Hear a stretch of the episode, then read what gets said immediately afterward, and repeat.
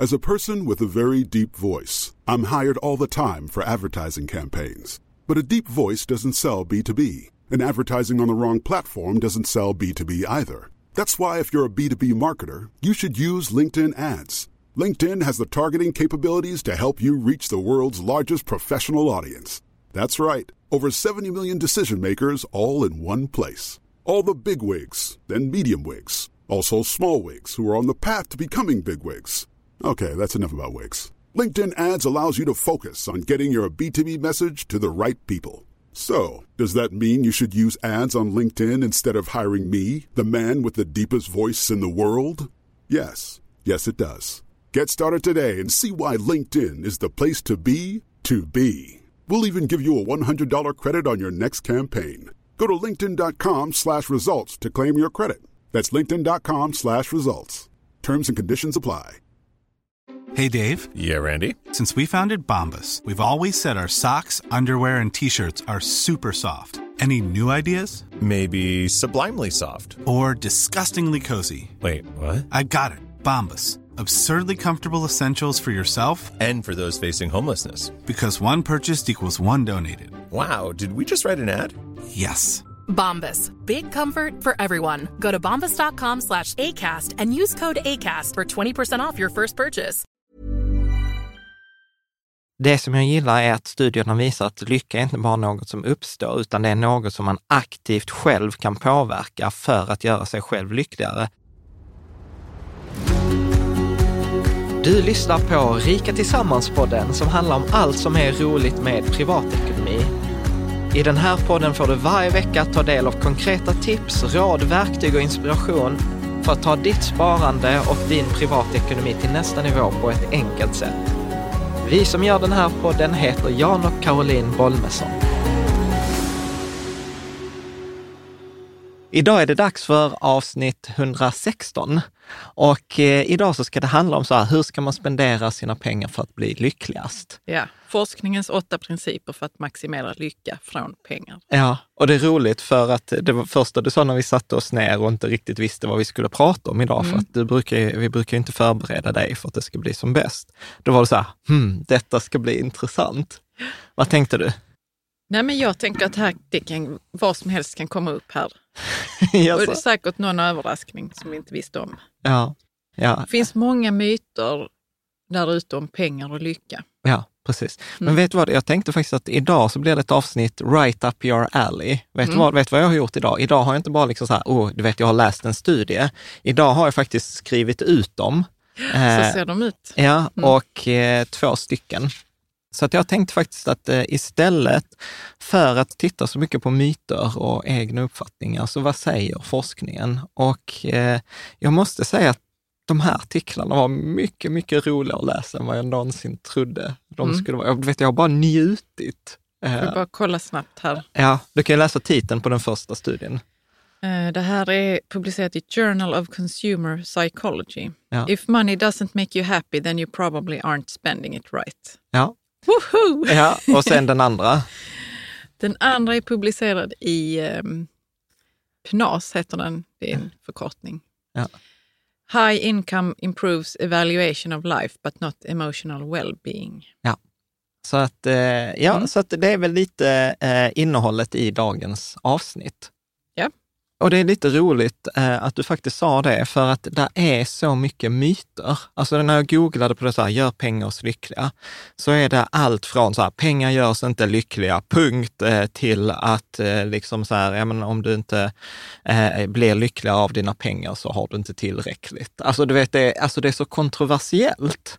Och det är så mycket, mycket Jag kan tänka mig också att man säger kanske, jag vet inte, lite olika i till exempel USA Mm. om pengar än i Sverige. Ja, Kanske. Nej, jag vet inte. Nej, jag skulle säga när, lika över ja, när jag googlade så var det mycket artiklar. Eh, och sen var det faktiskt lite också liksom beroende på om man var vänster eller högertidskrift. Alltså det var ju mer, Ja, så det kan jag tänka mig. mer Mm. Dagens Industri och Financial Times och liksom Wall Street Journal. Då var det mer att du blev lycklig av pengar medan andra, typ eh, Aftonbladet och lite mer vänstertidningar var så här, pengar gör dig inte lycklig och Mm. efter 50 000 kronor i månaden blir du inte lyckligare av dina pengar. Och då var jag så här, men Mm. Det kan vi också prata om varför Varför Vissa det, tidskrifter skriver så. Alltså Ja. att varför vi inte ska eftersträva Ja, pengar. precis. Men jag tänkte så här, jag, är så här, jag gillar ju att gå ner till källan, så jag var så här, jag googlade de här studierna och det finns jättemycket studier och eh, någonting som jag upp, upptäckte ganska snabbt är att det är skillnad på lycka och lycka, eller då happiness. Eh, Ja, det är har ju- väldigt subjektivt ju.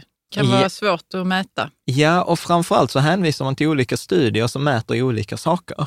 Och alltså, det, var, var hänvisar man från? Jag hänger inte med riktigt. Du sa att du googlade studier som... Ja, jo, men, när, Ja. när, när många av de här tidningarna refererar studier, Media. och, ja, när Mm. media refer, eller när, i allmänt tal, Mm. så säger man så här, ja men den studien visade att pengar kan inte köpa lycka. Och sen säger någon annan, ja men pengar kan visst då köpa lycka. Och så är det liksom olika saker. Och inspirationen till detta avsnitt kom ju eh, faktiskt för två veckor sedan när vi gjorde Ramizeti-avsnittet, som sa så att många studier misstolkas. Ja, av media, absolut. Av- Därför av media media. kan inte läsa studier. Nej. Eller läser inte dem ordentligt. Eller vinklar dem på ett sätt som gör att... Som passar ens som egen. passar dem. I'm sorry, men det är ju för jävligt. Ja, å Mm. andra sidan Caroline, vi kommer också vinkla detta avsnittet så att det passar oss. Ja, så att, eh, jo, så att Kanske det, men du kommer prata om studier. Ja, Vad har du nu, vad har du nu liksom tittat på för studier? Har du tittat på de som, studierna som också säger att du inte blir lycklig av pengar? Eller har du bara tittat på studier som säger att, Ja, du kommer precis, bli jag har skön confirmation bias här. Jag bara tittar Ja. på studier som säger att man blir lycklig. Nej, nej, men jag har försökt läsa så mycket som möjligt. Eh, sen har jag inte läst allt och alltså allvarligt talat, eh, liksom så att jag tycker att ha läst, eh, tror jag, jag tror jag har läst elva olika studier. Jag har till och med läst en koreansk studie om handikappade barn, huruvida de blir lyckligare av liksom vardagsaktiviteter eller inte. Men den Mm, tar vi du inte kom upp. in på den anledning. ja, men för jag var så här, Ja, ja. koreanska eh, liksom sports eh, Riksidrottsförbundet hade gjort någon studie på det där. Nej, Mm. men, eh, och grejen är så här att jag är inte så mycket av att avdöma frågan, utan däremot tycker jag alltid, jag är ju ingenjör i hjärta och botten, så, så här, jag vill veta det praktiska, vad kan jag göra? Vad kan jag göra rent konkret för att bli lyckligare? För det finns det mycket forskning på. Sen har jag inte läst alla studier som de refererar till, eh, men jag har tagit många av exemplen och sen vissa har läst eh, vidare. Till exempel ett exempel kring eh, kackerlackschoklad. Eh, jag trodde aldrig jag skulle använda ett ord som kackerlackschoklad. Men Som då, kackerlackor gillar det, eller som det, är kommer, på det, nej, det kommer vi till. Men det var liksom ett ord som jag aldrig trodde jag skulle ta i min mun. Men, ja, Mm. Så jag har försökt kolla. Men i alla fall, om jag, om jag hoppar in i det så tänker jag så här, att det vanligaste misstag som jag upplever, det är att om vi tittar på den här studien som gjordes av Daniel Kahneman, som fick Nobelpriset, som har skrivit den här I boken. ekonomi. Ja, som har skrivit den här Tänka snabbt, eh, långsamt. Mm. Eh, då sa han liksom så att för det första måste man skilja på det som eh, kallas för då emotional well-being, alltså och life satisfaction. Okej, många, så känslomässig... känslomässig kvaliteten, väl- precis, alltså hur de, Mm. hur, hur de definierar det, så här, den känslomässiga kvaliteten på ens vardagliga upplevelser. Det vill säga hur ofta och hur starkt upplever jag glädje, stress, ilska, alltså sådant som gör mitt liv behagligt eller obehagligt. Så det är den ena definitionen på emotional well-being. Och sen så pratar de om då life satisfaction. Alltså det vill säga, hur upplever jag att eh, mitt eget liv när jag tänker på det? För många av de här studierna som folk refererar till, då gör man frågan så här, hur nöjd är du med ditt liv? Eller hur upplever du din vardag? Alltså, Ja, så det är ganska väldigt trubbiga brett, liksom. frågor. Mm. Och då måste man titta på de här två, för de, beroende på vilken av de här två aspekter man tittar på, så får man två helt olika resultat. Men du, jag hänger inte med riktigt. Okej, Så att jag kan liksom känna ganska mycket glädje i min tillvaro Ja. under en, en vanlig torsdag. ja. Eh, och det är emotional well-being. Well-being, ja. Och sen så life satisfaction kan ändå vara liksom nere på ett på en 10-gradig Ja. skala. För att Ja, och, på något sätt så är jag inte lycklig med hur mitt liv är utformat. Ja. Hur jag, ja. Vilka eh, premisser jag har för att få fram, gå fram i min vardag. Är det Exakt. så det kan vara? Exakt. Så jag Mm. skulle, jag skulle säga att det är en bra beskrivning. Alltså du kan ju vara nöjd med vardagen och sen kan du ibland vara, liksom, ha, när du har dina nerperioder så är det så, jag har inte gjort något med mitt liv och liksom så. Nerperioden, nu låter det som att jag Nej, deppig på något vis. Det är jag inte faktiskt. nej, men det, det är en frustration. Då, Man kan eller vara det. önskan. Det är, En- ingen, det är inget fel på att vara deppig. Men visst, Ja. eh, det är sant. Det kan vara så att premisserna inte stämmer riktigt för mig, Ja. men jag kan ändå vara super eh, över att umgås med dig och barnen. Liksom. Exakt. Mm. Och då säger, och då säger då forskningen, de här studierna, till exempel den här Kahneman-studien, då säger att när man undersökte då 450 000 människor i Gallup, för att Gallup är en amerikansk företag som varje dag frågar tusen amerikaner, liksom massa frågor. Eh, då. Mm, varje dag alltså. Mm. Eh, och då, sa man, då såg man så här att, ba, alltså om vi tittar på emotional well-being, så ökar inte den vardagliga upplevelsen med en större summa pengar. Det finns en viss gräns och det är ofta den här, när man pratar om så här, du blir inte lyckligare bortom en lön på 50 000 kronor i månaden, eller du blir Mm. inte Då lyckligare är det den bortom... gränsen man pratar om. Ja, då är det emotional well-being. Men däremot så har man också visat att mindre pengar har en hög korrelation till emotionell smärta. Så att lite pengar gör att du är inte lika lycklig. Men du blir inte supermycket lyckligare för att du har då som de i den här studien 75 000 dollar eller 2 miljoner dollar om året. Så Mm. där, är ingen, Mm. där är ingen skillnad. Men man ska inte ha för lite heller helt Nej, enkelt. nej. Däremot, om man tittade på den här life satisfaction, alltså hur nöjd är du med ditt liv, så finns det ingen bortre gräns i mängden pengar, utan tvärtom, ju mer pengar du har, desto högre life satisfaction har du. Okej, varför är det så nu då? Ja, jag Är tänk, det, är det hur man, för jag tänker så här att ett exempel skulle kunna vara Mm. eh, vi, när vi köpte vårt hus, Mm. så eh, såg vi till att det låg nära skolan och det, var, det är nära tandläkaren och nära Mm. BVC och så. Mm. Eh, så att vi har ordnat det så att ja, men jag vi inte att, behöver åka så långt och Fast- vänta så länge. ja, precis, Alltså, fast nu tror, jag, fast jag tror att du är inne på emotional well-being där också, för det är de vardagliga grejerna. Jag tror att det ja, handlar men också de om... hänger ju ihop ändå. För att Absolut. om vi inte skulle bott här, då hade vi ju ändå haft lite jobbigare i vår vardag. Absolut. Men jag tänker egentligen så här, alltså jag vill gärna gå vidare, för jag tycker Jag egentligen inte detta är Jag- så intressant. eh, Nej, men jag behöver handlar om- ändå få det konkret, för annars så, Ja, men så det blir kommer det som vi att jag till. svävar iväg Ja, men- annanstans. Precis, men vi, kom, vi, kom, vi kommer att komma till det. Eh, Ja, eh, superbra. I, I promise. Mm. Men, men i alla fall, så min poäng med de här två liksom, studierna var att man, visar, alltså, man kan mäta lycka i båda de här två områdena. Och att liksom, där finns inte en sanning att nej, pengar skapar lycka eller pengar, nej, det skapar inte lycka, utan beroende på hur frågan ställs och beroende på vad man mäter så får man olika resultat. Mm. Punkt, eh, tänker jag. Vad? Du säger punkt och så bara känns det så. Det sista har inte sagt som det, för att beroende på hur man ställer frågan så får Ja. man olika svar. Ja, men för, mig, Ja. men för mig blir det så här, jag uppskattar inte de här teoretiska diskussionerna, utan jag vill ju ner på så här, det konkreta. Sen Ja. vet jag att du gillar liksom så här, oh, den stora bilden. Men Mm. eh, jag tänker jag går vidare till Samuel Jackson. Samuel L. Jackson. Jackson. Mm. Och han lär ha sagt att eh, whoever said money can't buy you happiness probably never had any. Och jag tyckte det var en ganska kul citat, för det Mm. visar ju den ena änden på den här skalan. Liksom inte som att han har rätt, men som att skalan är ganska stor när jag kommer kontrastera det mot DN.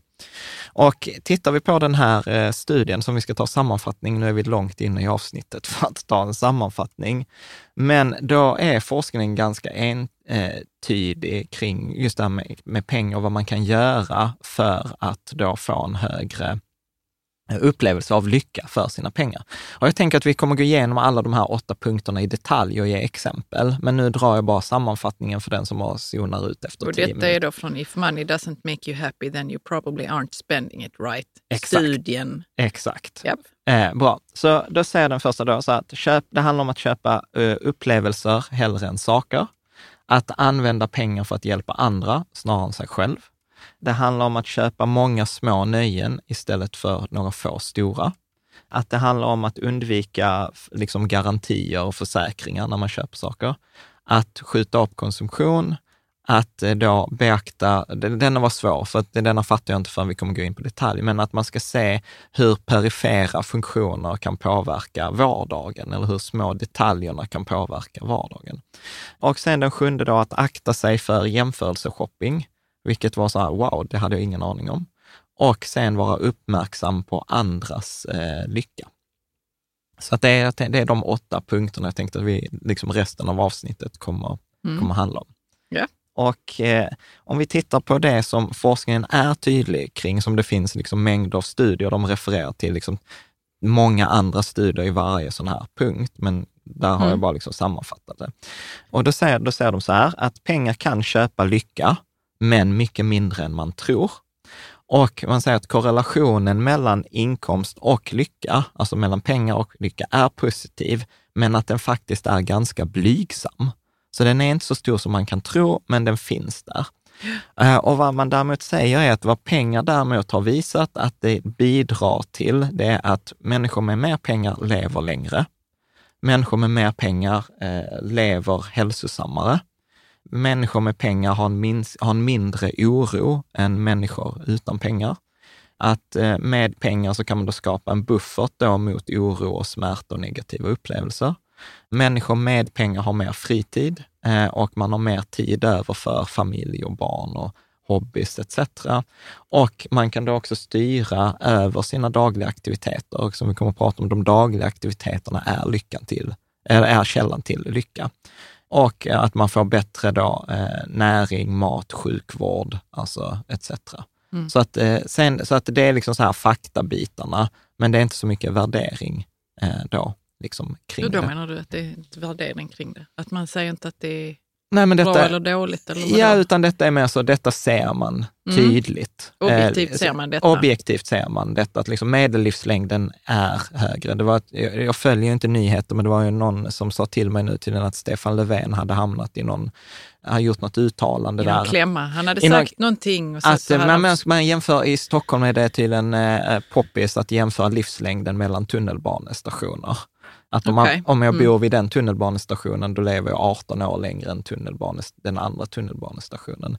Men så var det tydligen någonting om knark. Eh, och så visade det sig att de, de som levde länge knarkade mer. Så att uttalandet hade blivit sådär bara, okej, så Man ska, ska knarka, knarka. för att leva längre. Och det var väl kanske inte riktigt hans eh, poäng, misstänker jag, men som sagt.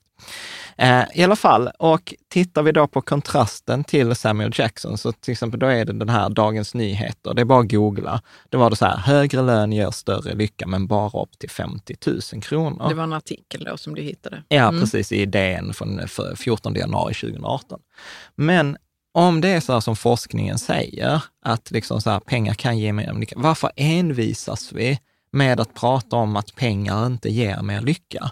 Varför har vi de här myterna, så här, men pengar är inte det viktiga, det viktigaste är familjen, eller eh, det viktigaste är inte pengar, utan det viktigaste är att vi är friska. Ja, varför? Ja, och, och, och, och grejen var, den, den som gjorde mig först uppmärksam på detta var ju vår vän Charlie Söderberg som sa så här, alltså det är ett ganska konstigt resonemang, för det är ju som att säga att eh, om det handlar inte om pengar utan det handlar om hälsan, då är det som att säga att rika människor är sjuka. Och vi har precis tittat på studier som säger, nej men rika människor är friskare. Så att där ligger ju inte eh, någonting i det. Tvärtom så visar ju studien också att rika människor har bättre relationer, för de har mer tid för relationerna. Inte alla såklart, där finns undantag, eh, men ändå. Mm. Och då skriver de i den här ena studien, eller om det var en artikel som jag läste som jag tyckte var så himla fin, för då sa de så här, ja men det är få av oss som faktiskt vet vad som skapar lycka och vad som bibehåller den här lyckan över tid. Och, och då sa de så här, ja men det är inte så förvånande att om man har en förmögen människa som inte kan någonting om vin, som plötsligt ska köpa ihop en vinkällare, ja men då kommer den ju se ut som andra människors vinkällare. Eller hur? Den kommer ju liksom inte bli bättre eh, än, än någon annan. Men således så är det ju inte heller för, förvånande om förmögna människor som inte kan någonting om lycka inte är lyckligare än vad andra, som Nej. inte heller kan Nej, någonting om lycka. Ja. Mm. Vad tänker du? För nu har jag pratat här länge. Känns det som att du hänger med? Ja, jag känner att jag får liksom eh, bara se vart detta tar vägen. Okej.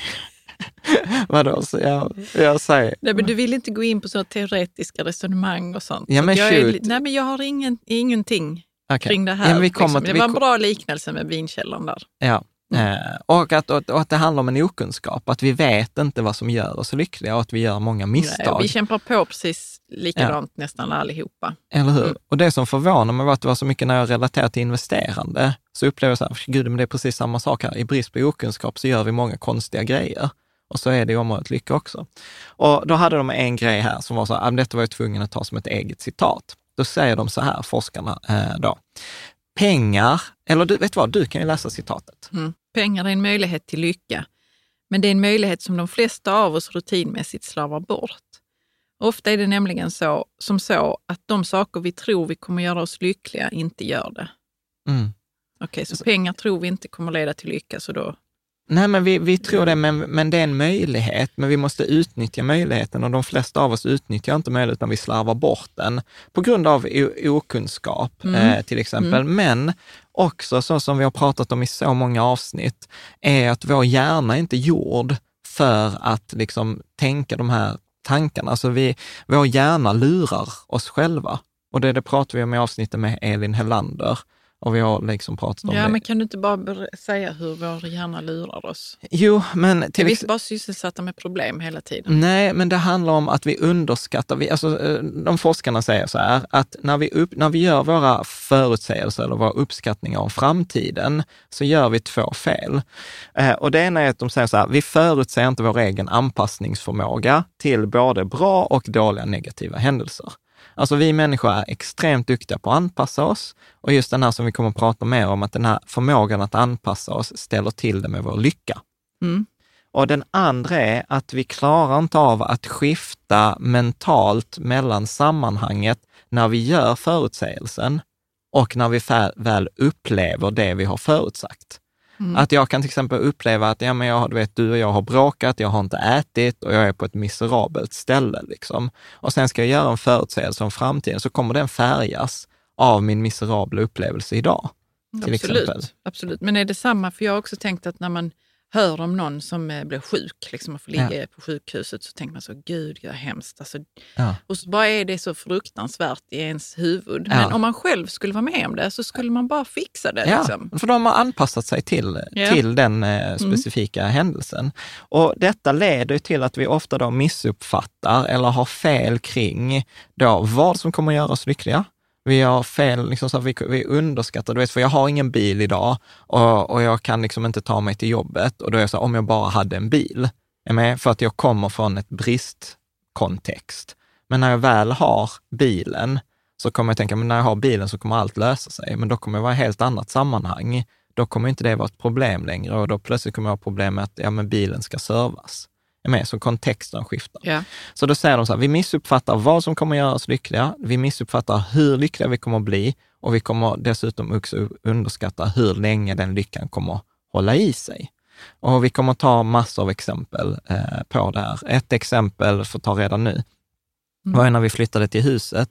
Då, jag köpte så sjukt mycket teknikprylar, alltså sådana här Philips Hue, du vet, lampor och skulle sätta upp och robotdammsugare. Men liksom så här, hur länge tyckte vi det var coolt med Philips Hue? Alltså det var typ ja, nej, det var nog inte så länge. Nej, det var den kvällen och idag är det mer så här, vet, ja man går, lamporna tänds, men jag får ingen energi så som jag fick liksom den första timmen. Det var bara, åh wow, du vet, jag behöver inte trycka på någon lampknapp. Häng med. Nej, nej, om jag bara ska ta en parentes där så Ja. är det ju så att man måste, vara tack, man måste tänka tacksamma tankar aktivt ibland. Ja, Att Gud vad skönt att det tänds nu när jag har händerna fullt i händerna och inte kan trycka på... knappen. Knappen. Men det gör vi inte. Men det är roligt Du hur, kanske inte gör det. ja, det är roligt hur vi... nej men det är roligt hur du faktiskt, för det är precis dit vi är på väg. Mm. Så att eh, då de här forskarna, så nu är vi på deras åtta principer. Så vad kan man göra för att jobba liksom med sin hjärna? Vad kan man göra för att uppleva den här lyckan? Och då säger de så här, det första handlar om att man ska köpa upplevelser istället för saker. Och då är det liksom att eh, studier visar när man intervjuat människor, och här tänker jag egentligen vi kan ta våra egna upplevelser. Absolut. Men att fler människor blir lyckligare av köp av upplevelser än av materiella eh, saker. Och vad detta beror på är den här samma princip, den här hedoniska eller hedniska effekten på upplevelser. Att till exempel en materiell sak kan ge oss en positiv upplevelse när vi köper den, men ett minne eller en upplevelse kan ge oss en positiv upplevelse även långt efteråt. Både innan, under tiden och efter. Och oftast är det i relation, alltså att vi har en relation med andra samtidigt som vi gör den här saken. Mm, precis. Vi är ju, vi är ju liksom, vad heter det, wired Ja. för att, att, kop- att connect liksom med Ja, andra människor. Så då, ja, jag fattar det. Men, men ta till exempel vårt exempel när vi var i Thailand för tio Mm. år sedan. Och du vet, vi var ute i djungeln och vi sov, som vi brukar berätta den historien, vi sov ute i djungeln. Ja. Vad? Gud, alltså den längsta natten i mitt liv. Ja, vi sov hos lokalbefolkningen i norra Thailand på golvet och där sprang djur och det var liksom dagen Även om det var liksom någon slags... På pålar. eh, Ja, åh gud, jag blev helt känslosam här. Ja. Hur jobbigt det var att något var i mitt hår. Ja, Ja, Ja. continue. Ja, precis. Och sen så dagen efter eh, så kommer vi liksom till så här femstjärnigt hotell eh, Ja, på det var kväll. julafton. Julafton, de dricker Ja. drinkar. Vi bara Under helt, tamarinträdet. ja, Ja, så Och- kom vi där. är helt skitiga och liksom så här, och den här kontrasten. Och sen du vet, du blir känslosam nu, det blir ett minne. Och Ja, detta det var ett jättefint minne. Eller hur? Och detta Mm. pratar vi om långt efter än att bara liksom en, ja men du vet, kommer när vi köpte V70? Eller hur? Ja, ja, Ja. Och, och detta handlar just om den här som du var inne på, där med sjukhuset. Vi anpassar oss. När vi väl har köpt V70 så har vi anpassat oss till den. Den ger inget mer energi. Medan det är svårt att anpassa sig till den där upplevelsen i Thailand, för den hände ju bara en gång. Mm. Häng med? Mm. Så att anpassningen, ju mer vi anpassar oss, desto mindre lyckliga blir vi. Ja, jag tycker också det finns en positiv grej med den här anpassningen till prylarna och till det. Ja. För att det kan mycket väl vara så att man inte alls känner att man förtjänar Mm. liksom kanske en bra bil eller vad det nu kan vara. Vettiga kläder. Mm. Så att man skaffar sig aldrig det och har en låg standard i sitt liv. Och sen Mm. när man väl skaffar det så känns det skitjobbigt och ovant, folk tittar Mm. och sånt. Men sen så efter ett tag så blir det ju den nya standarden. Mm. Så på ett vis tycker jag den här att man vänjer sig till saker är väldigt bra. Ja, vi kommer att prata, vi har en hel punkt som handlar om Mm. det här med anpassning. Mm. Och det kan vara så här att vi många gånger också minns upplevelser mer och kan ibland till och med, som du var inne, uppskatta fantasin mer än själva upplevelsen. Att eh, där var ju till exempel eh, att, att det här att vi ska åka på resan, eh, eller att du vet, eh, när man träffar en ny tjej, eller du vet, man ser fram emot eh, första gången man ska ha sex. Alltså så här, fantasin kan vara större. Var det, du bara skrattade åt mig. Roligt exempel. Ja, men är det inte så? Ja, då? ja, visst. Ja. Eller så är det inte... Ja, Ja, det är nog bara du. Okej.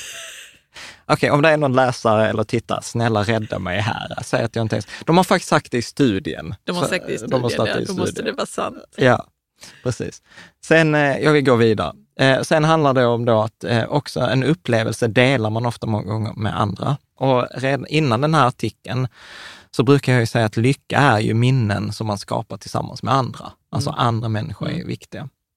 Och sen är det också så här att olika upplevelser kan ge olika grad av lycka, men skillnaden är mycket mindre än man tror. Så att de, Vad då tänker du? Då? Jo, men de gjorde en, eh, på, på bloggen kommer jag publicera den här bilden, eller du som tittar på videon kan se den här. Ja. Att där man fick ranka då till exempel så här arbete till eh, sex, eh, på en skala då 0 till 100. Hur, hur, Hur, hur lycklig eller hur mycket hur energi. var, ja. Mm. Och då till exempel så här ja men träna mellan, alltså skillnad mellan träning och jobb var inte särskilt stor. Mm. Liksom.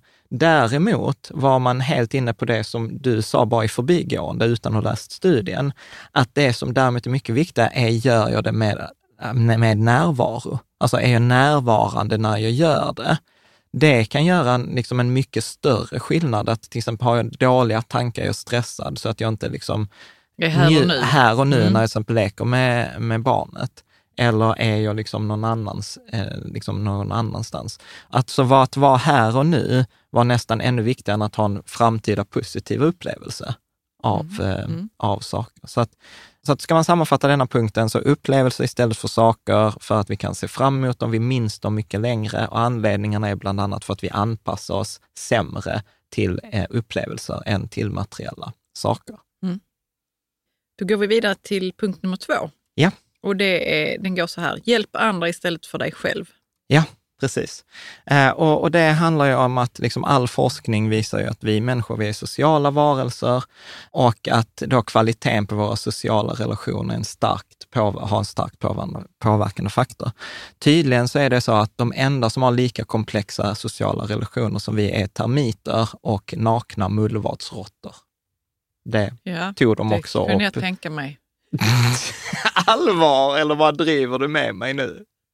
Jag, jag skojar bara, men det är ju roligt att det är de två djuren. Man tänker annars att det är så gorillor eller Nej. någon annan primat som lever i grupp. Nej, nej, men det Nej. var det. Det stod där. Och det var också någon hänvisning till någon studie som hade gjorts på det där. Den läste jag inte. Så i princip så var det så här, så att man har sett att i princip vad som helst som vi gör för, för andra ökar vår egen eh, lycka. Och eh, man har ju sett detta också i magnetröntgen, där man haft människor i sån här maskin som liksom skannar hjärnan. Så har man sett Medan man får till lov att tänka på någonting. Ja, ja, ja, Mm. precis. Och så ska man fatta olika beslut och så ser man vilka center som påverkas i hjärnan. Och då har man sett att när man spenderar på andra så aktiveras samma områden i hjärnan som när vi själva får en belöning. Eh, Så att det är liksom så här primalt wired att vi ska göra saker eh, för, För andra. andra. Vi ska vara oegoistiska, vad heter det? Ja. Altruistiska. Altruistiska, Mm. precis. Mm.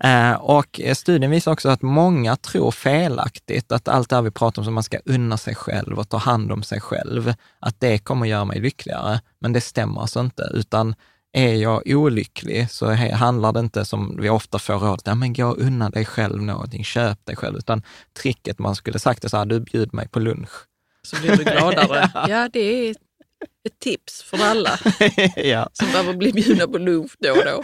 kanske så, bjud mig på lunch så blir du lyckligare. Nej, och jag men, blir lycklig också då väl, ja. när jag blir bjuden på lunch. Ja, Mm. ja, kanske så. Så att det var inte så mycket äh, mer Och om gaffla om. gaffla om. Precis. Så jag tänker att vi tar nästa. No pun intended. Okej, eh, punkt nummer tre. Mhm. Köp många små nöjen istället för några få riktigt stora. Ja, precis. Mm. Och här hade de ett långt resonemang som var faktiskt så här att ja, detta måste vi faktiskt ta upp. Och då skriver de så här, att anpassa sig, den här förmågan vi har till att anpassa oss, det är ungefär som med döden. Att vi är rädda för döden, vi kämpar med det, vi vill skjuta upp det, men till slut så förlorar vi alltid. Alltså it's an, an inevitable, alltså oundvikligt. Men precis som med att acceptera döden så finns där fördelar med att acceptera den här anpassningen, att vi anpassar oss. Och vad det handlar om då är att om vi anpassar oss till de här stora enstaka upplevelserna, Thailandsresan eller lyxsemester eller sportbilen, varför inte då spendera pengar på många små och frekventa saker istället?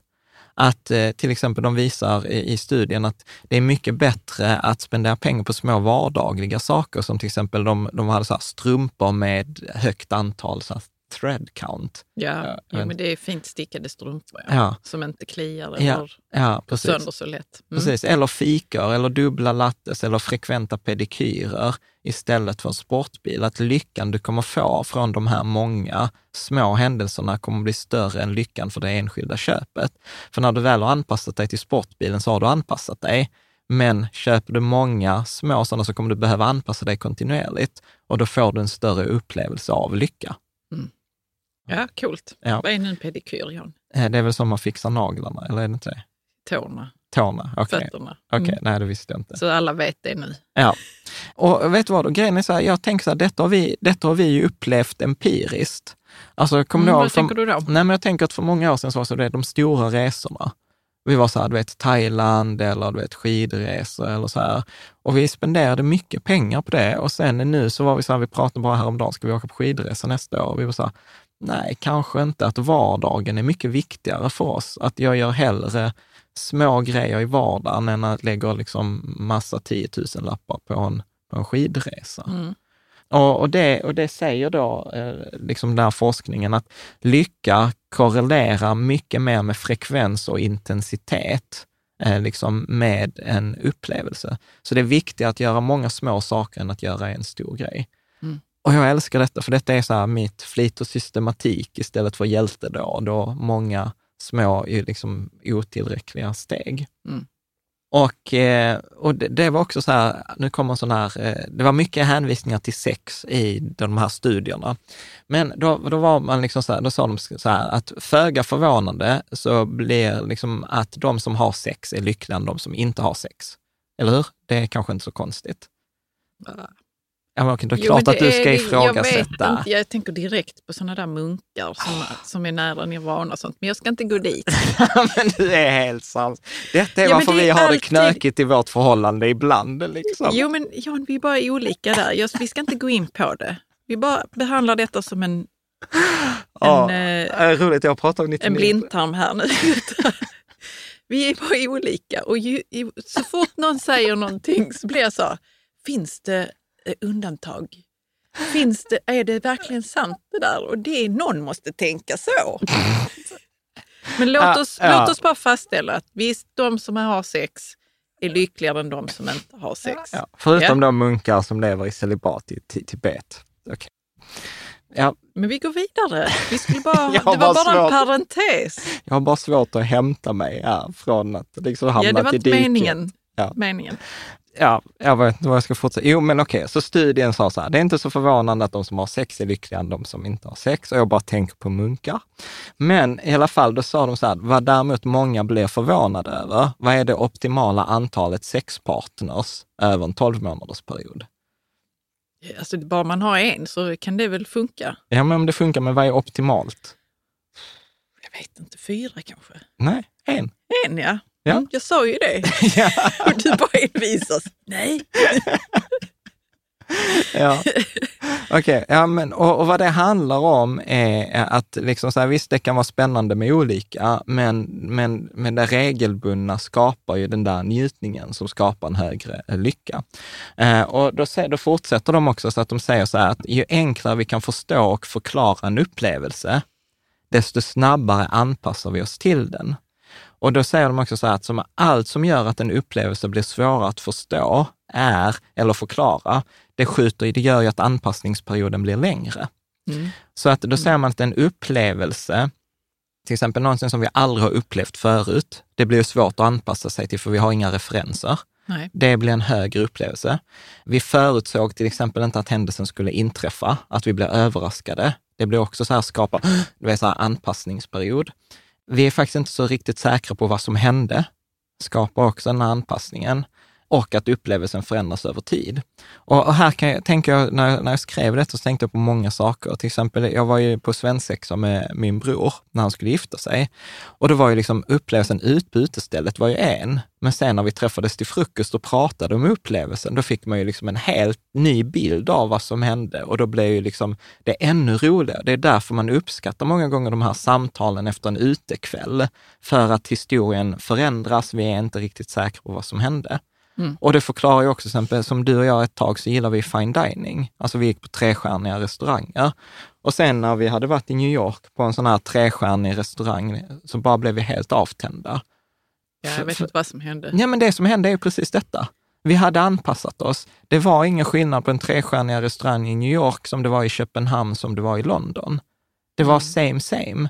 Det Ja, och vi fick direkt efter vi hade varit på den ja, trestjärniga där på Madison Avenue eller vad det var, så gick vi hela familjen ju ja. till någon eh, familjerestaurang. En någon italiensk Där det var en annan... Eh, Vi blev överraskade, vi har aldrig varit med om det förut. nej, de körde, det var mycket relation där också. Ja, och de skrek på varandra och barnen var där och det var mycket ljud. Alltså så här, vi vet inte vad som skulle hända, vi blev överraskade.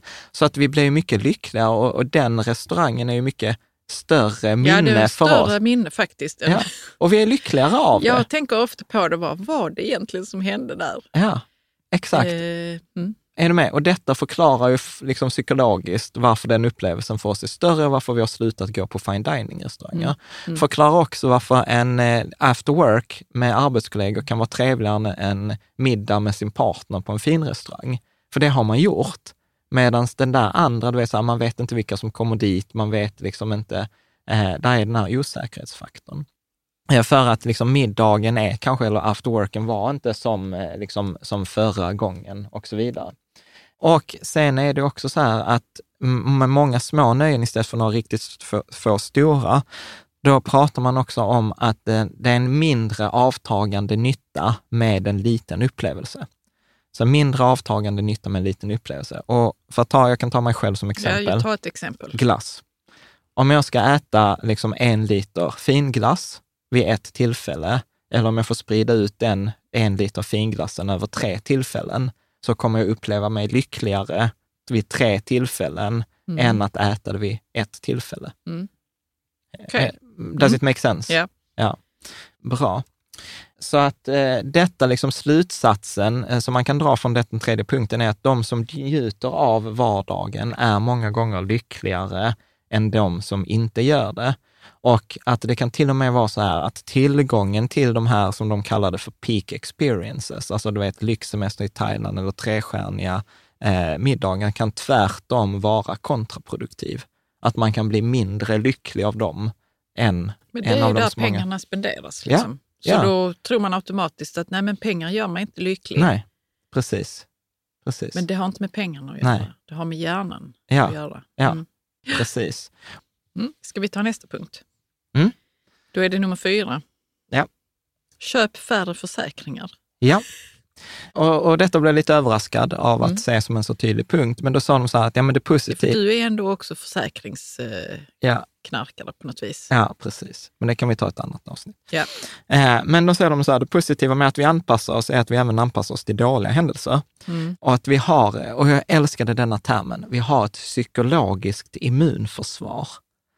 Och de flesta av oss tänker inte på att vi har ett psykologiskt immunförsvar som liksom anpassar sig. När du säger så här, vi hamnar på sjukhuset med brutet ben, vi kan inte jobba eller någonting gått sönder. Då är så här, ja men då anpassar vi oss ganska mycket till det. Ja, och får det rätt gött ändå liksom, Ja. i sin situation. Ja, Men- precis. Mm. precis.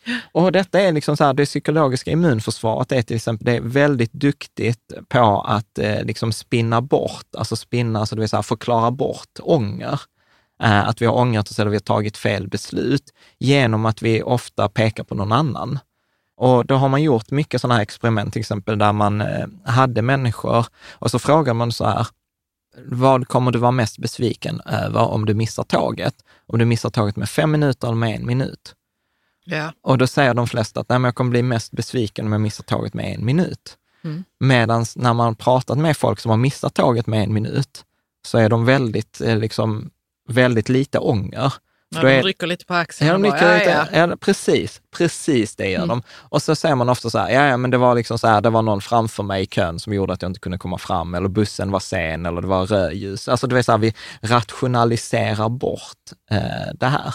Och detta gör vi i alla områden. Och när vi då, och det, vad de här företagen utnyttjar är ju den här rädslan, där de tror att vi kommer ångra köpet. Så därför erbjuder de de här försäkringarna. Och då underskattar vi att skulle det bli det där dåliga köpet vi är rädda för, så kommer ju vi ta hand om det, precis som vi rationaliserar att vi var en minut sena till, eh, till Ja, det tåget. kommer inte bli så illa som man tror. Nej, precis, precis. Mm. Så att, att ta de här försäkringarna är inte bara dyrare, det är dessutom liksom, eh, kanske till och med helt onödiga eller liksom utifrån Då ett pratar man alltså om lyckoperspektiv. försäkringar på eh, ja, men så här när du, prylar när man köper den. Vill du ha ett års försäkring för Ja. den går sönder? Ja, exakt, Ja. exakt. Mm. Eh, de. 99 kronor. Ja, Mm. precis. Ja, ofta är de dyrare än så, Ja, jo, per månad kanske. Då. Ja. 99. Mm. Ja. Visst, då tar vi nummer fem. Ja, Betala nu och konsumera sedan. ja. Oftast är det ju tvärtom. Ja, precis. Med Klarna. Köp, köp nu, betala sen. Ja, Ja. Klarna. Klarna har fått konstigt mycket kritik i vår podd på sistone, Ja. här, men det tar vi. Men i alla fall, då eh, läste jag också någonstans att det första kreditkortsbolaget bi- bildades, jag tror det var på till 40-talet, eller sån, någon som heter Frank McNamara, var på middag med ett par vänner och sin fru och sen kunde han inte betala och så fick hans fru betala och ack denna skam. Liksom. Så att då bildade han då världens största kreditkortsbolag. Och då, då liksom forskningen är ganska tydlig här att det här konsumera nu, betala sen leder inte bara till ett kortsiktigt beteende, alltså med dåliga beslut, alltså ökade skulder, mindre pensionssparande, dyrare betalning etc.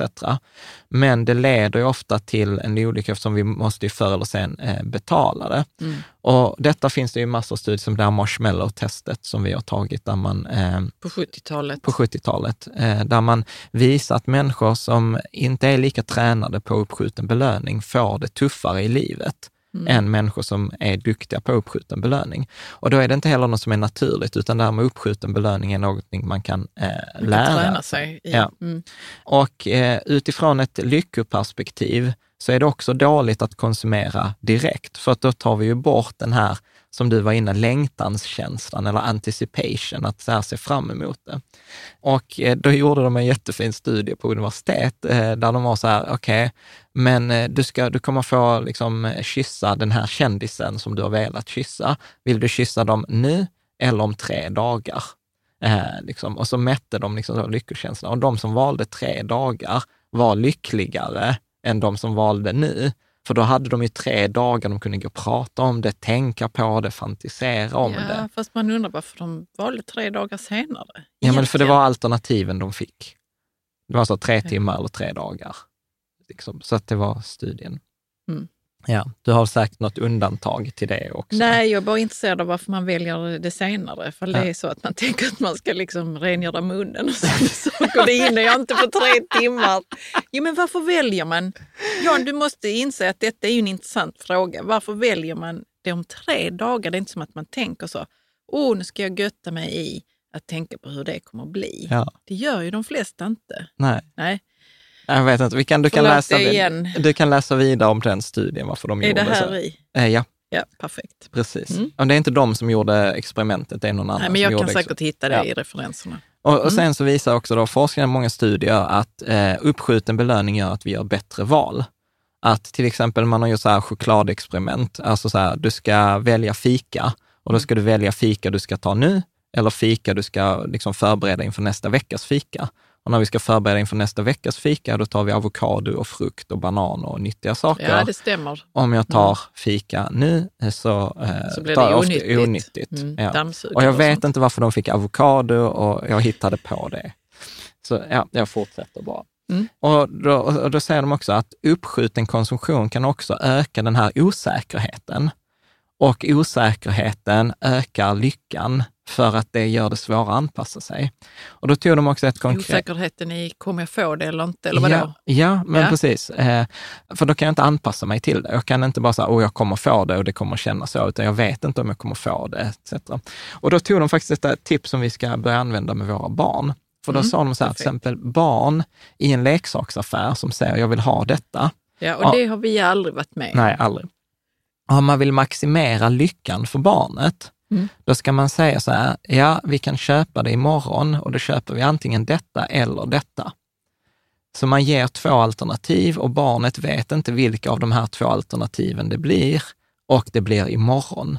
Okej. För, för då det är en skapas... osäkerhet det blir- plus att de kan sitta och, och längta efter sin Ja, grej. det blir en double whammy, för det blir en osäkerhet eh, liksom i vilket av det det blir, så det är svårt att anpassa sig. Och det blir också svårt att anpassa sig eftersom det inte är nu, utan det är först eh, imorgon. Så att eh, det Ja, var liksom... Ja ett, visst, vi kan använda det. Ja, Mm. så det tyckte jag var ett ganska så här, eh, kul, Mm. eh, lite kul sätt. Bra, ska vi ta nummer sex? Tänk på det som du inte tänk, tänker på. Mm.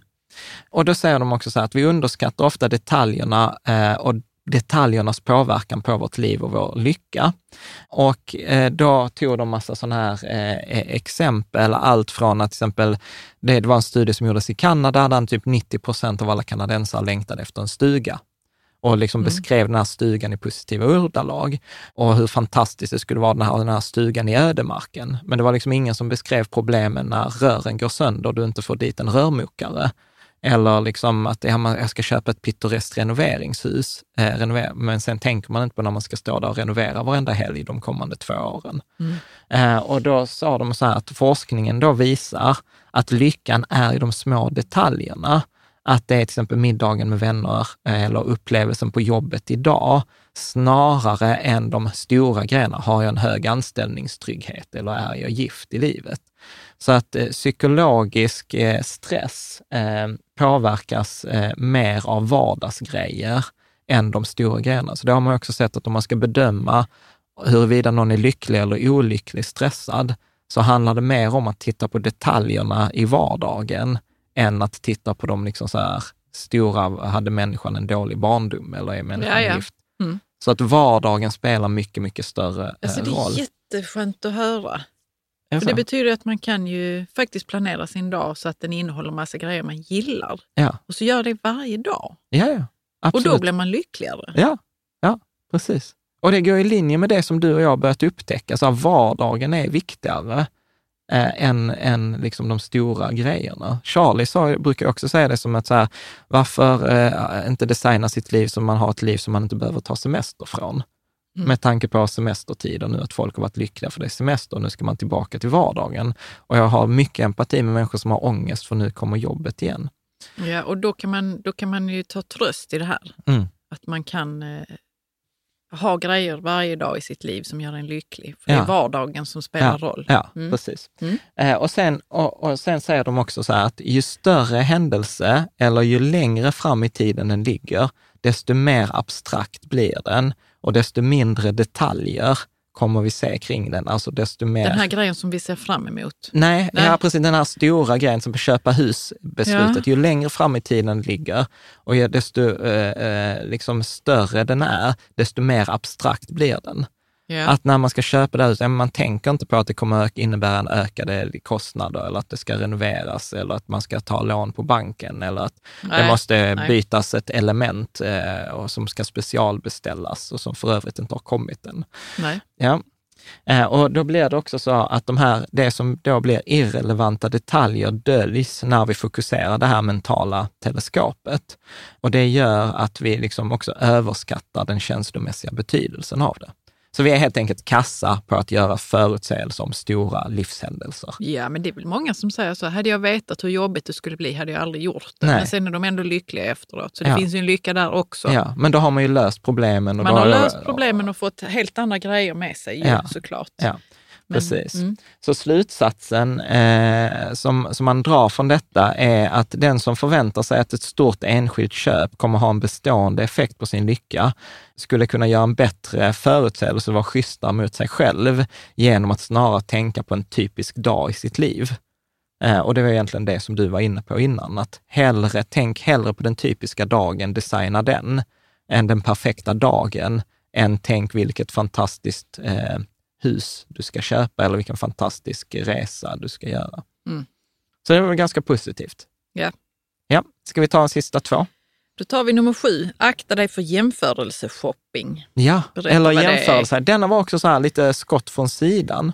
Eh, och då finns det ju många sådana här sajter som Compriser, jämför bolåneränta eller jämför de här, här hittar du de eh, billigaste priset eller vi har prisgaranti. Och då, då har de här studierna visat att detta kan göra oss olyckligare eftersom vi mentalt fokuserar, eh, alltså det mentala fokuset flyttas från det som var viktigt, varför vill jag köpa den här saken, till plötsligt vad som skiljer de olika alternativen åt. Ja, och vilket som är billigast och hur jag får tag i det billigaste. Och så. Ja, Exakt. absolut. Det är därför som jag aldrig går in på Price Runner och sånt och, och kollar. Det Ja. är bara, jag vill ha det. Ja, precis. För att det, det gör ju till exempel så att när man, eh, ta ett exempel när man väljer hus. Vi var ju till exempel på massor av visningar under flera år och det gjorde att till slut så bara fokuserade vi på skillnaderna. Nej, det huset Ja. är så stort Det istället. blev inte roligt och det tror jag många har, kan känna. Det här Mm. att man bara blir trött på det och det är inte kul längre att kolla på hus. Nej. För det blir helt annat fokus än det man hade från början. Ja, som var- Varför man vill flytta. Liksom. Exakt. Så att eh, då, då blir det liksom att, eh, och detta leder ju till att när då liksom de här skillnaderna förstoras upp med det här förstoringsglaset, så leder ju det också till att man eh, börjar ta felaktiga beslut. Alltså man lånar mer pengar än man behöver, man tar ett större hus än man behövde från början, etc. Och vi, vi överskattar återigen den här he- hedniska eller hedoniska betydelsen av att välja ett mindre, optima, ett mindre attraktivt alternativ eh, då, som kanske egentligen skulle gjort oss lika lyckliga. Och jag kan ta ett konkret exempel. Jag skulle köpa slag, eh, borrhammare nu när vi skulle sätta upp våra billigbokhyllor. Och då fanns det borrhammare för 700 spänn, det fanns borrhammare för flera tusen. Och du vet, jag kunde inte köpa den billigaste, för jag var så här, nej, jag kommer inte vara nöjd med den. Alltså du vet, jag kommer ångra mig och liksom, du vet, jag började jämföra funktioner. Den hade 700 watt, den hade 400 watt. Och, och så till slut blev det att jag köpte ju den dyra, när egentligen den billiga hade förmodligen gjort exakt samma hål i väggen. Ja, Häng ja, med. precis, För det att, jämförelseshopping för dig. ja, där. för att jag började jämföra de olika, liksom så här, okej, hur är en Makita borrhammare, hur är en Bosch och hur är någon Ryobi? Nej, den där Ryobi ska jag inte alls ha. Liksom, för den är Intressant bara att vi är, jag är 42 och du är 37. sju. Så du menar att jag kommit kommer... till någonting. Nej, men det lyssna på mig här nu. Jag har hela tiden trott så att dyrare hudvård är bättre och nu är jag bara så, nej det var tydligen inte så. Ja, Och den där borrhammaren, ja, precis. ja nu har du ju en bra säkert. Ja, nu han Men du jättebra. har- ja, det, det, det, är till och med, det är ett skämt bland våra kompisar. Det är så här, Jan har alla de bra verktygen, men han kan inte använda dem. Nej, liksom. precis. Eh, och det där har jag tänkt på, för jag kommer ihåg också vid något tillfälle så var det någon annan som skulle köpa de här grejerna. Och då köpte de någon, så jag var så här, detta hade jag aldrig, den här skiten hade jag aldrig köpt. Och sen när jag använt så, ja men det var inte så skitigt. Och så var det så här, Nej, ja okej, detta nej. kostade en femtedel än vad jag Har hade vi lärt betalat. oss någonting Nej. vid denna, denna tiden i livet? Alltså? Jag Jo, inte. jag tror vi har lärt oss något. Jag tror inte jag har lärt mig något än. Ja. Eh, ja, och då kommer vi till chokladkackerlackexperimentet. Ja, Detta Mm. var ju jättekul. Så då gjorde man ett experiment där man sa så här att eh, du kan få välja eh, mellan två chokladbitar. Den ena är en 200 grams choklad som är formad som en kackerlacka. Den är värd 20 spänn. Eller så kan du få en liten bit choklad som är 50 gram, eh, som kostar 5 kronor, men som är vanligt formad. Och då sa 46 procent av alla som fick detta valet sa att de skulle eh, njuta mer av kackerlackschokladen. Alltså färre än hälften sa att de skulle uppskatta kackerlackschokladen mer. Hänger du med? Mm. Så man gillar inte formen kackerlacka på en choklad. Men vänta, de skulle njuta mer sa du? Ja, så bara 46 procent sa att de skulle njuta mer av den större, var Ja, mindre än ka- hälften. Ja. Mindre än Mm. hälften. Men 68 procent valde kackerlackschokladen. För att det, man får ändå mer. Ja, Men man, man, njuter mindre. ja, Alltså, det är många grejer här som jag har velat bara ta en sån time-out på. Det är därför också som jag ser glasartad ut ibland, John. Eh, Och kommer med konstiga kommentarer. För det är som man bara vill sätta sig och titta upp i luften och bara tänka så här, hur, hur gick det till? Hade jag gjort så? ja. Är du med? ja. Hur hade, du, ta- gjort? Jag hade tagit kackerlackschokladen. Men trots att jag hade jag varit lite hade också äcklad. tagit den, men jag hade brutit upp den så att det inte hade sett ut som en kackerlacka. Jag tänkte så, ja det är Ja. No-brainer. Ja, men de flesta är så här, nej, varför ska jag ta den mindre? Jag får ju ett mer optimalt beslut. Ja. Alltså man jämför och så glömmer man bort att men jag ska ju njuta av den. Ja. Att man glömmer bort det viktiga syftet. Och detta är intressant. Mm. Ja, nej, men jag håller med. Alltså man vill ju fundera på, det finns så många fler sådana exempel, men vi kanske kan ta dem i våra sådana miniavsnitt. Eh, för, Det att, kan vi göra. för vi har ju börjat med sådana miniavsnitt mellan de ordinarie söndagsavsnitten. Och var hittar man dem? Också på samma ställe, YouTube eller Facebook eller på så andra ställen. Men inte på bloggen? Kanske, inte riktigt än. Nej. Inte riktigt än, men det kommer. Så att problemet är då, om man ska sammanfatta denna punkten, är att vi, kriterierna som vi väljer på är inte samma kriterierna som vi konsumerar för. Liksom att vi ville njuta, men sen så valde vi baserat på var jag får mest choklad, trots att det Så egentligen njöt var, vi mindre. och så njöt vi mindre. Så det är liksom faran med de här jämförelse-shoppingen, där man börjar jämföra saker. Mm. Bra. Ja, och då kommer vi till sista punkten. Ja. Nummer åtta. Följ flocken istället för ditt huvud. Ja, och då har man liksom sett så här, okej, vad kommer göra den bästa för, vad gör den bästa förutsägelsen huruvida vi kommer gilla något eller inte? Och då har man gjort allt studier från IMDB där man ger massor av fakta om en film och så ska man bedöma om man kommer gilla den eller inte. Eller så gav man bara, an, ja denna filmen har fått 4,8 av 5 i betyg av 10 000 personer.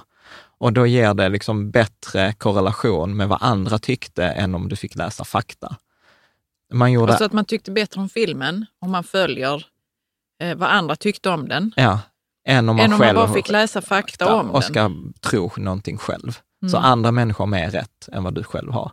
Man gjorde detta studie med dating, speed dating, där man fick då se en bild och läsa på om den man skulle speed data med. Eller så fick man helt enkelt så här, eh, En rating. De, ja, de föregående tio kvinnorna gillade den här mannen på speeddaten. Och då var det högre... Nu ko- vill jag också ta en time-out, men vi kör på. Nej, men säg För det blir som man bara, men är det vettigt att ha rating på folk? Men det har man ju kanske inte vid speeddating. Det var bara detta Ja. forskningsexemplet. Ja. Ja.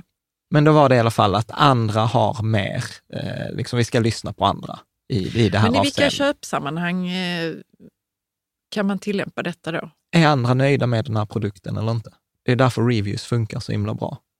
När de inte är fake. Och det är lite roligt för det var tydligen någon, som är, någon fransk filosof som heter François Larre, ja någonting. Vänta, jag kan säga vad han heter. La Rochefoucauld. La Rochefoucauld som skrev på 1600-talet. Ska du läsa vad han skrev? Ja, och det är inte på franska utan engelska. Before we set our hearts too much upon anything, let us first examine how happy those are who already possess it. Ja. Ja. Så att innan vi ska skaffa någonting, låt oss titta på hur lyckliga är de som redan har det. Alltså helt enkelt. Mm. Och eh, då är det så här att det är en stark korrelation även när andra berättar för oss vad vi tror att vi kommer bli lyckliga av. Eller vilken film vi kommer gilla eller vilken mat vi kommer gilla. Så att om jag berättar för dig så här, du kommer förmodligen gilla detta, så är sannolikheten högre att du kommer gilla det än om du läser om det själv. Mm. Spännande. Ja, ja. Mm. Du är skeptisk. Som alltid. Ja. Som alltid. Men då, det kan ju vara annat som gör att jag gillar det då. Ja, men så kan det ju vara. Absolut. Ja. Alltså det, återigen, det är ju inte en svart och vit skala. Det, är Nej. liksom, det Nej. finns ju... Nej, det de finns, har gjort eh, studier det har, de har gjort tillräckligt många, Ja. Eh, frågat tillräckligt många så de kan dra Ja. en slutsats av Precis. det. Med Sen är- sen- statistisk säkerhet. Ja, sen är frågan, är då om de har intervjuat de här nakna celibatmunkarna i Tibet eller De var inte? inte nakna John, de bara hade inte sex. Och Okej. meditera sig mot nirvana. Det var det vi, det var det vi pratade om Jan. Okej, ja men bra.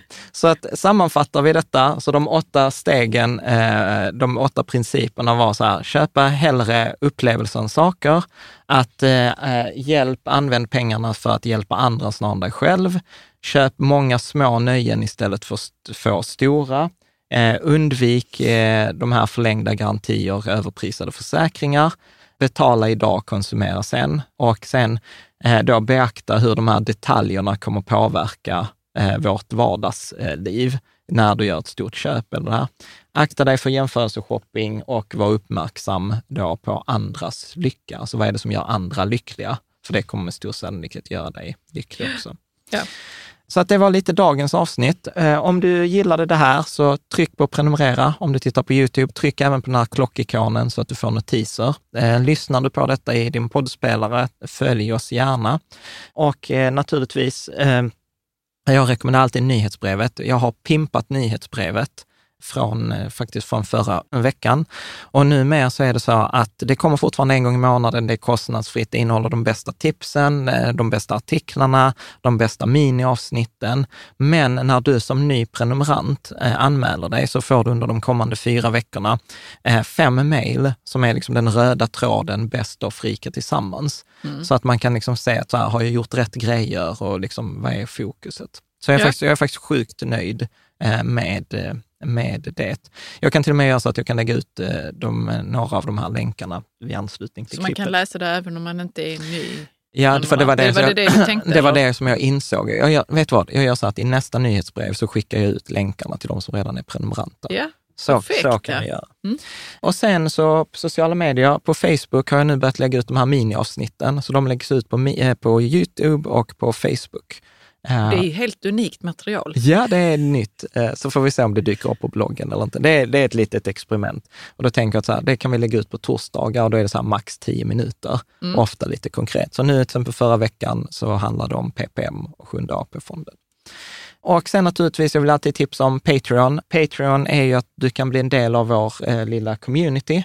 Rika Tillsammans community, där vi arrangerar bland annat så här Fika Tillsammans digitalt. Eh, vi har faktiskt bokat in Erik Strand den 5 september som ska prata om guld och vi har bokat in, eh, eh, vad heter han, Patrik Adamsson, vd på Lysa den 3 oktober. Och då är det tillfällen, det är som en livepodd och du får vara med och ställa frågor. Du behöver inte ställa frågor, du kan vara passiv.